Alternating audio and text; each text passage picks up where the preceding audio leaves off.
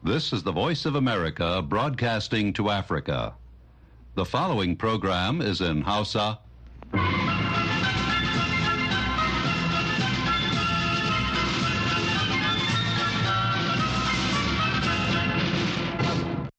Sashen Hausa na muryar Amurka ke magana daga nan birnin Washington DC. Masu saurare, Assalamu alaikum barkanmu da asuba da fatan an waye gari lafiya. Murtala Faruk sanyin ne tare da Hauwa Sharif da sauran abokan aiki muke farin cikin kasancewa da ku a cikin shirinmu na safiyar yau Litinin 22 ga watan Janairun shekara ta 2024. Kafin ku ji abubuwan da muke tafa da su ga kanun labarai. ofishin harkokin siyasar ƙasar iraq ya ce jakadan amurka a iraq ya gana da tsohon firaministan ƙasar nul al-maliki firaministan isra'ila benjamin netanyahu ya yi fatali da tayin da mayaƙan hamas suka yi na kawo ƙarshen yaƙin da ake yi a gaza gwamman mutane sun rasa rayukansu da dama suka ji rauni yayin da aka kai wani hari a birnin donetsk da ke gabashin ukraine.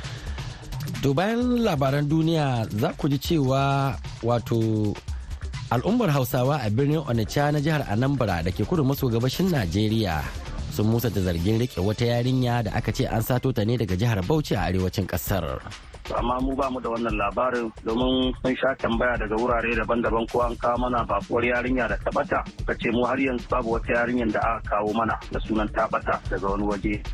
Jama'a na ci gaba da bayyana ra'ayoyinsu kan shekaru 45 na watsa shirye-shiryen sashen hausa na muryar amurka. Za mu kawo muku shirin ciki da gaskiya na sarfilu hashim gumel. To amma kafin nan sai a gyara zama domin jin labaran duniya tukunna.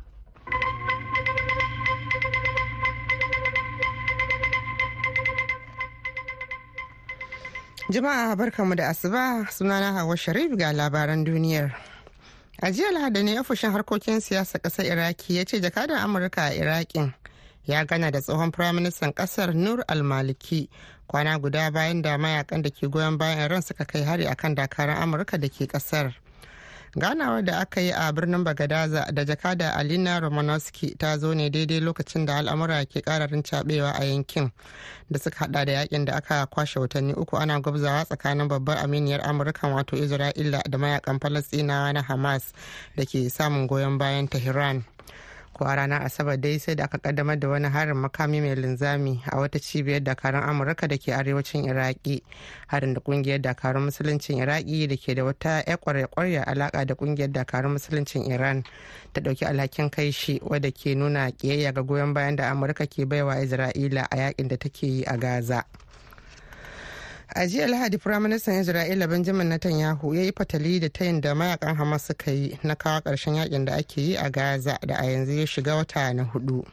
Shugaban isra'ila ya faɗa cikin wata sanarwa cewa a matsayin musaya ga sakin mutum huɗu daga mutanensu da ke tsare hamas ta buƙaci a kawo ƙarshen yaƙin a kuma janye dakarun isra'ila daga gaza sannan kuma a sako mutanenta da suke hannu.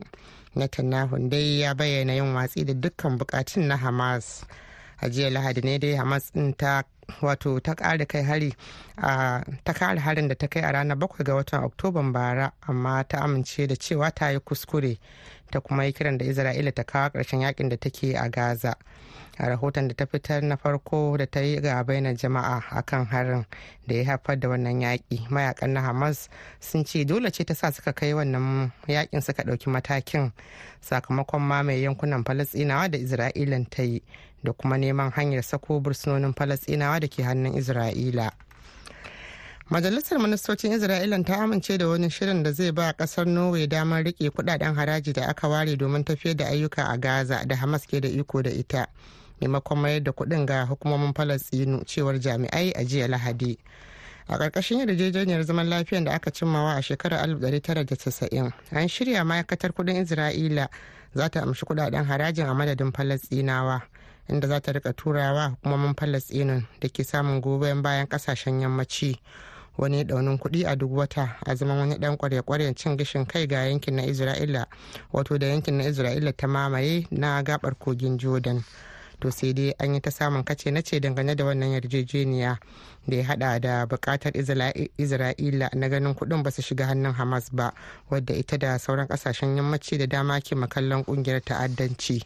A shekarar 2007 ne dai hamas ta ƙwace iko a kan gaza daga hannun hukumomin falastinu da ke samun goyon bayan ƙasashen yammaci bayan wani gajartaccen yaƙin basasa da shekaru biyun da isra'ila ta shafe ta janye jakarunta daga yankunan da yahuda suka kama na kama wuri zaune.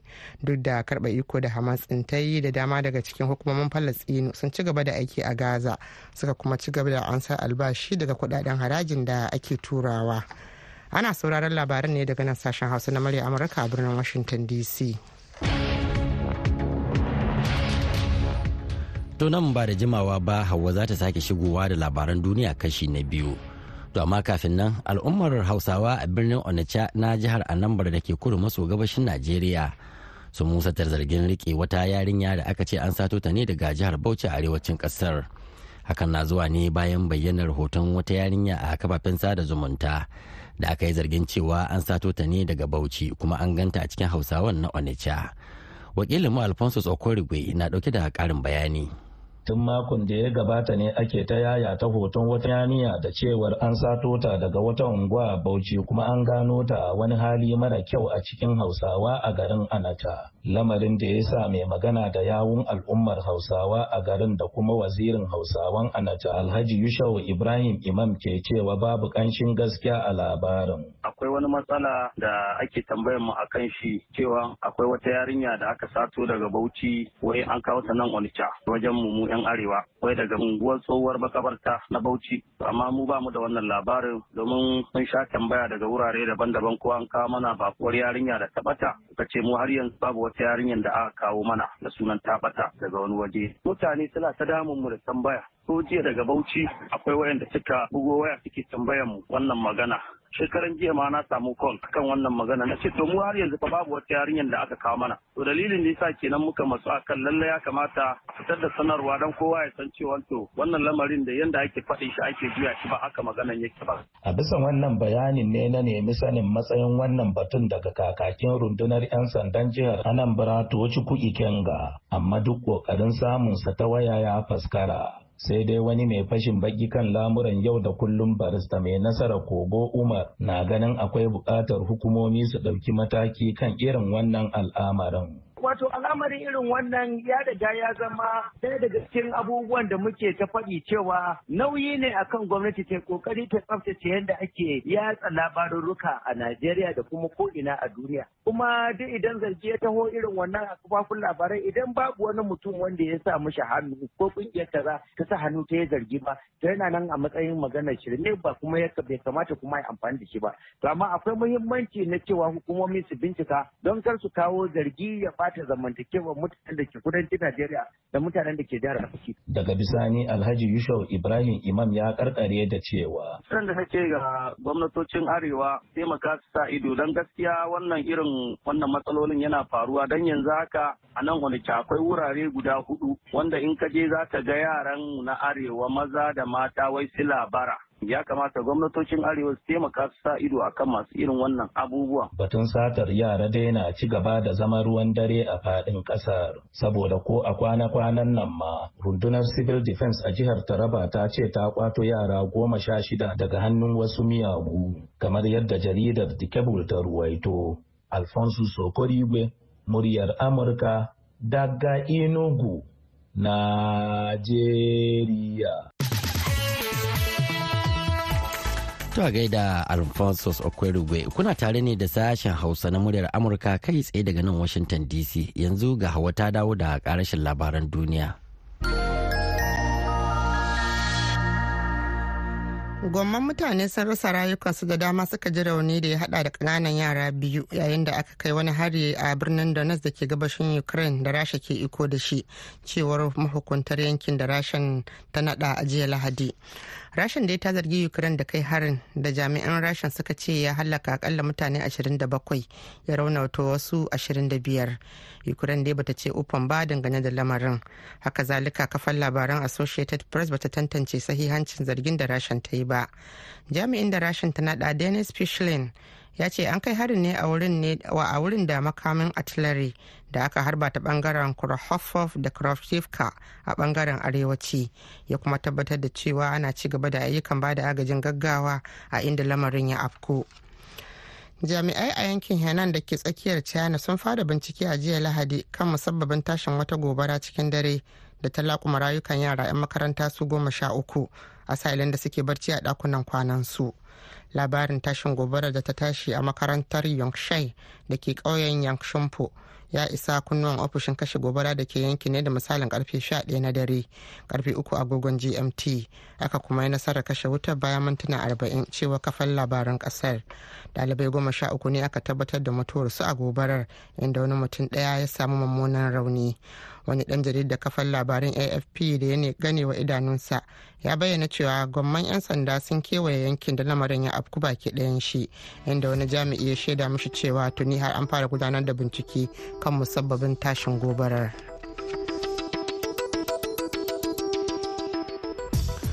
Hawa Sharif kenan aka saurara da labaran duniya daga nan sashen Hausa na muryar Amurka a Washington DC.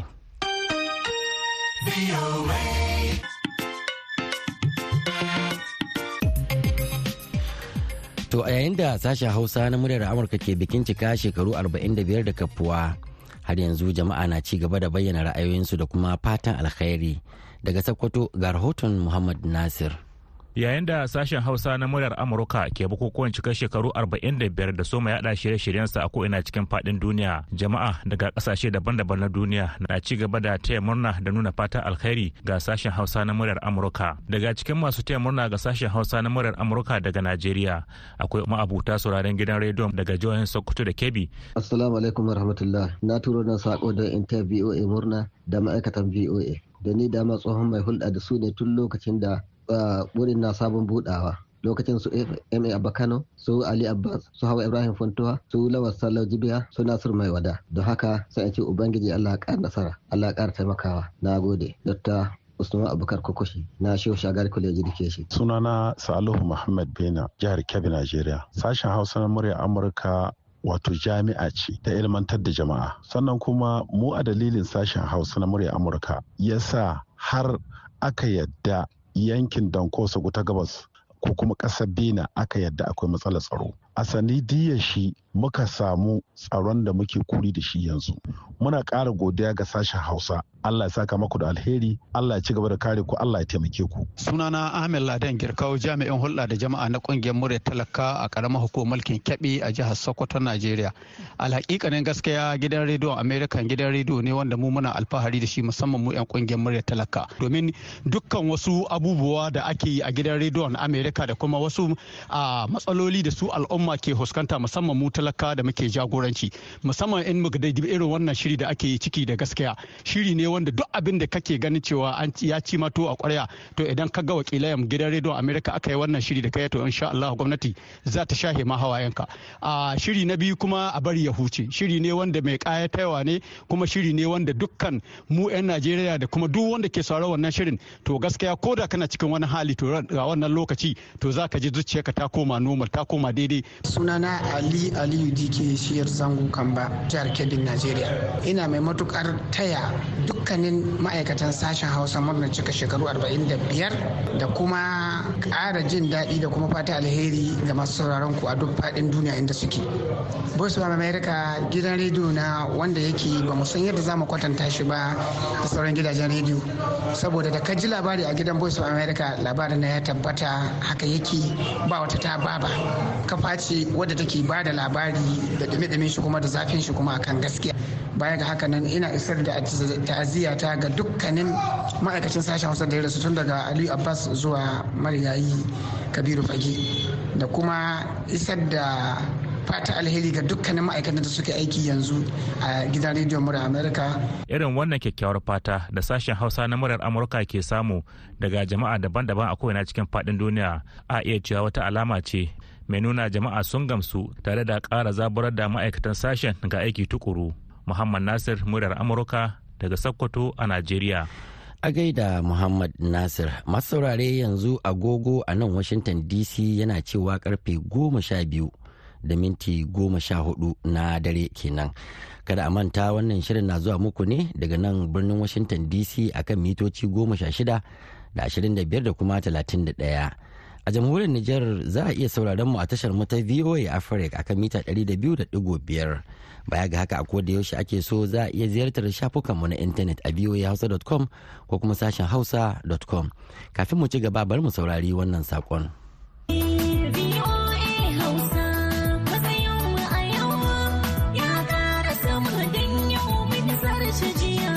lalle hakika shekara kwana ce. A ranar 21 ga watan Janairun shekara ta 2024 sashen Hausa na murya Amurka ke cika shekaru 45 da kafowa. Hmm, shekaru 45? Eh, shekaru 45 kenan da sashen Hausa na murya Amurka ya kwashe yana watso muku shirye-shirye daga birnin Washington DC.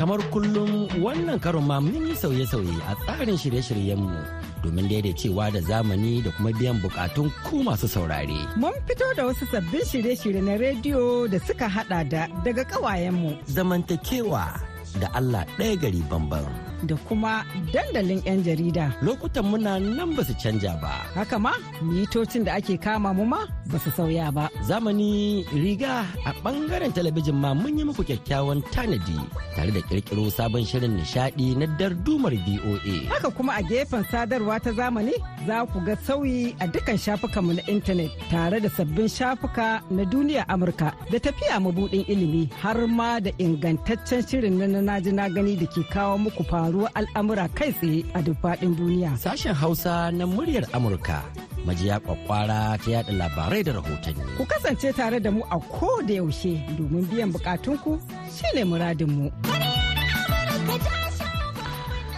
To madalla yanzu kuma ga dan mutan gumel da shirinmu na ciki da gaskiya.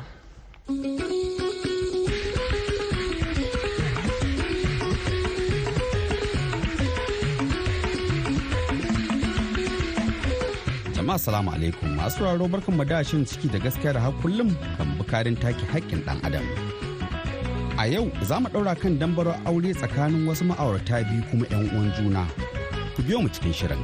Sunana sarfil hashim gumel.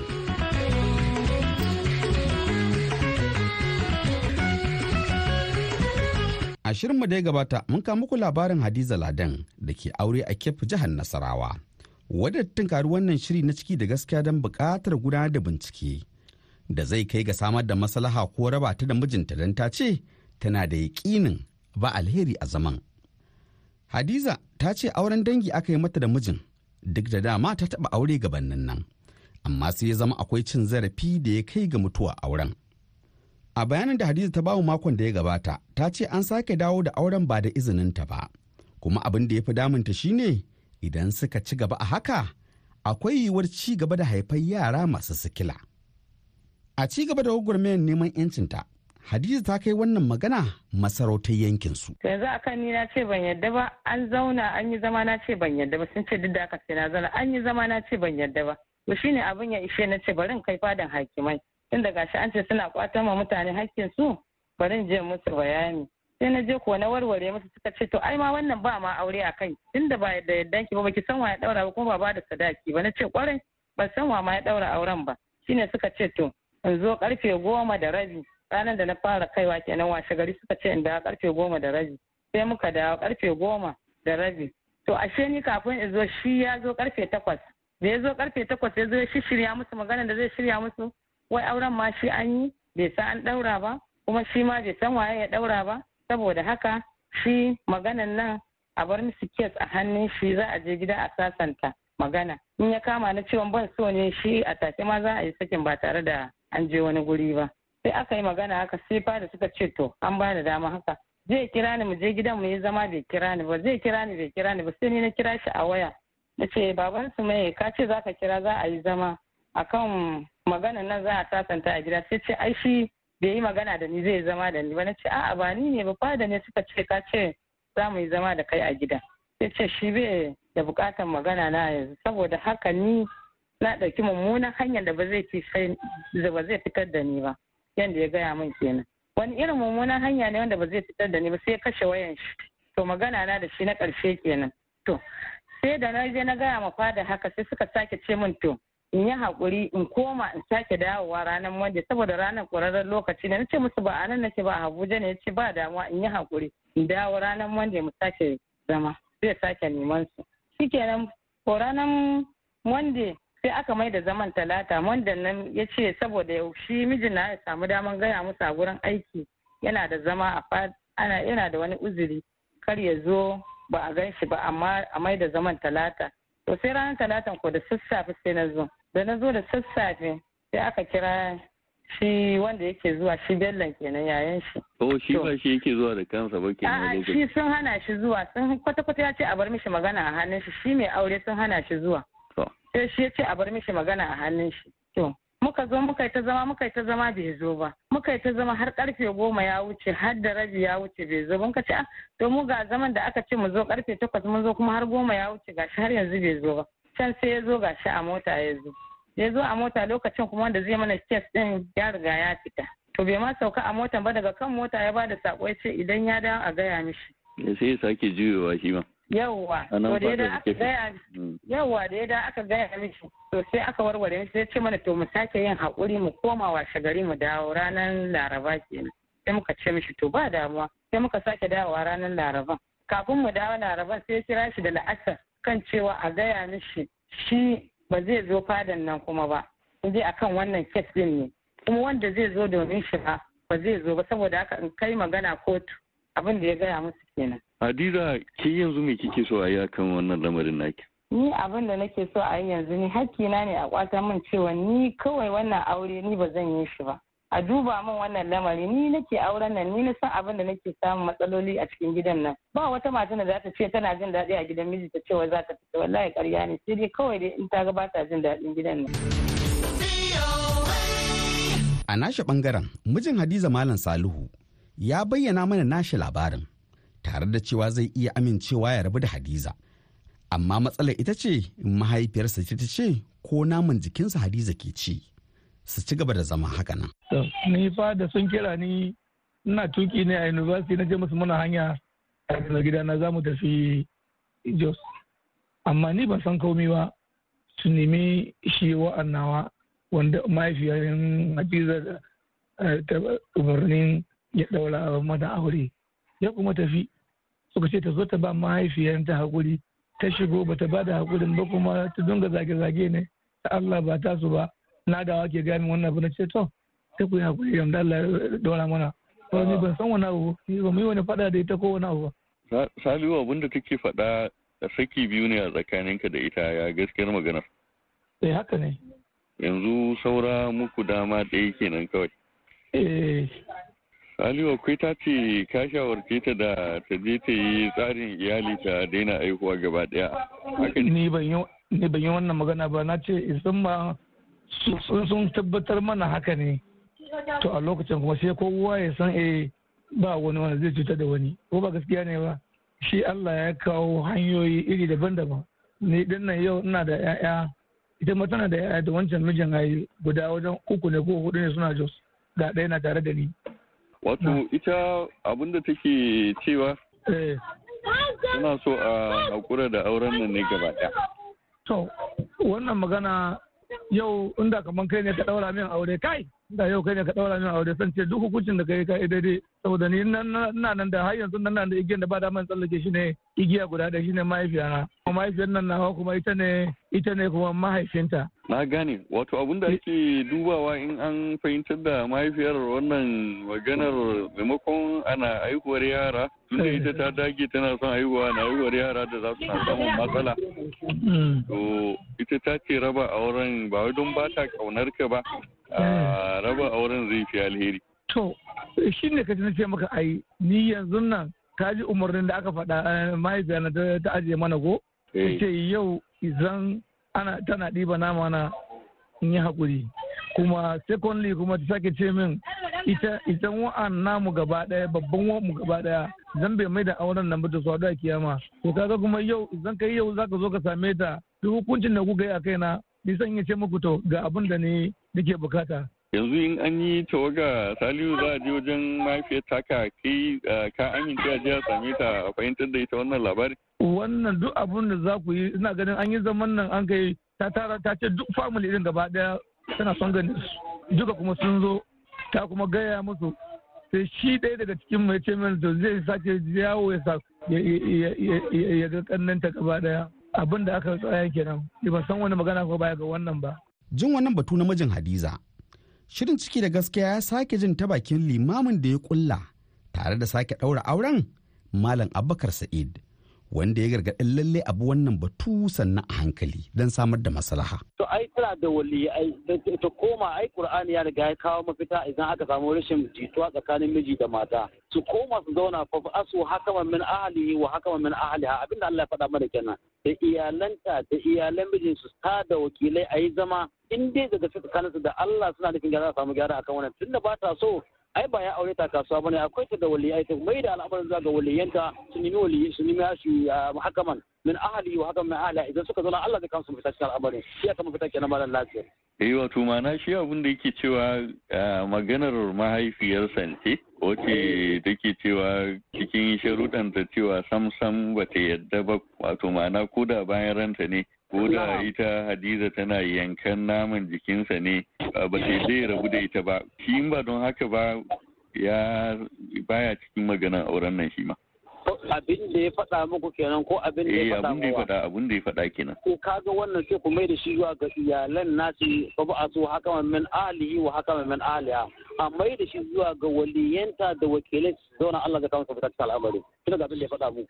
Da haka yanzu kaga tun da harkan uwa ya taso cikin al'amarin abu ne wanda yake buƙata a yi taka tsantsan ƙwarai a kai hankali ne da ciki saboda al'amarin iyaye ba kai al'amari ne ba ya buƙata kai hankali ne sosai da haka tun daga kaman da ya faɗi dole a mai da al'amarin zuwa ga su haka min ahali da haka min ahali su zauna malam nasu su nemi mafita akan al'amarin nan tabbatar da al'amarin ne.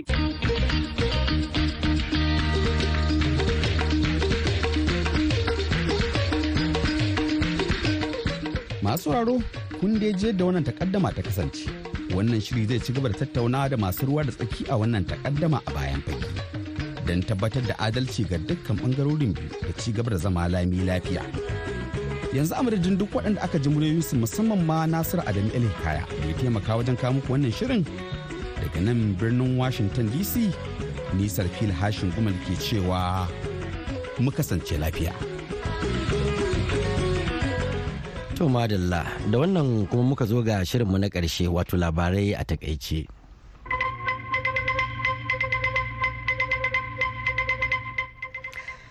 To madalla a taƙaice a jiya lahadi ne ofishin harkokin siyasa ƙasar Iraki ya ce jakadan Amurka a Iraki ya gana da tsohon firaministan ƙasar Nur al-Maliki.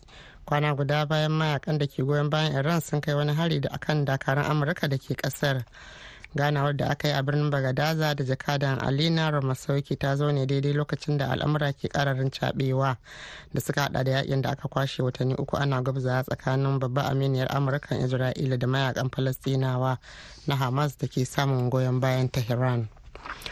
A jiya lahadi firaministan isra'ila benjamin netanyahu ya yi fatali da tayin da mayaƙan hamas suka yi na kawo ƙarshen yaƙin da ake a gaza da a yanzu haka ya shiga wata na huɗu shugaban isra'ila ya faɗa cikin wata sanarwa cewa a matsayin musaya ga sakin mutum huɗu daga mutanen da aka yi tsare da su hamas ta buƙaci a kawo ƙarshen yaƙin a kuma janye dakarun isra'ila daga gaza sannan a kuma sako mata mutanenta.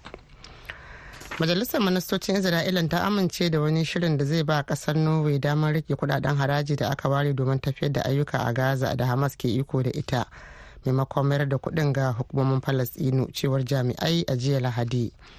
A ƙarƙashin yarjejeniyar zaman lafiya da aka cimmawa a shekarar 1990 an shirya cewa ma'aikatar kuɗin isra'ila za ta amshi kuɗaɗen haraji a madadin falastinawa inda za ta riƙa turawa hukumomin falastinin da ke samun goyon bayan ƙasashen yammaci wani daunin kuɗin a duk wata. A zaman wani dan kwarai-kwarai cin gishin kai ga yankin da isra'ila ta mamaye na gabar kogin jordan. To masu saurare a nan muka kawo ƙarshen shirin namu na yanzu sai kuma can an jima da ƙarfe huɗu na rana agogon Najeriya za a ji mu da wasu sababbin shirye-shirye. Yanzu a madadin Hauwa Sharif da ta taya ni gabatar da shirin sai kuma Dadi Balawe da ya tsara shirin ya ba da umarni da ma injiniyan mu na yanzu Mr. Charleston. Murtala Faruk Sanyin na ke muku fatan alkhairi ma'assalam.